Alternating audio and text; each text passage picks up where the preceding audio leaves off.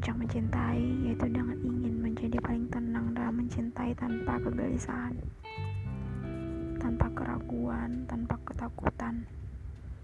Entah itu kamu perbolehkan atau tidak kamu tahu atau tidak aku tidak peduli.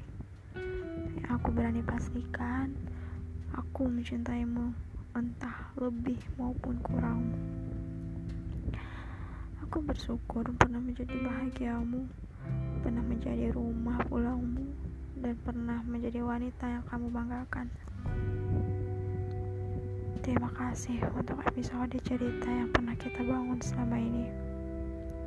Terima kasih pernah hadir di hidupku dan pernah menjadi laki-laki yang ku perjuangkan mati-matian. Walaupun pada akhirnya kamu tetap memilih menyerah dengan keadaan. Sekadar kamu tahu, aku tidak berhenti mencintaimu.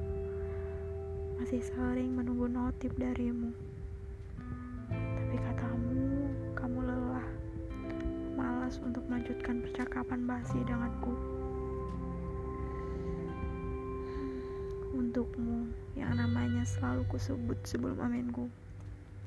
Semoga kita dipertemukan di waktu terbaik dengan versi terbaik kita masing-masing.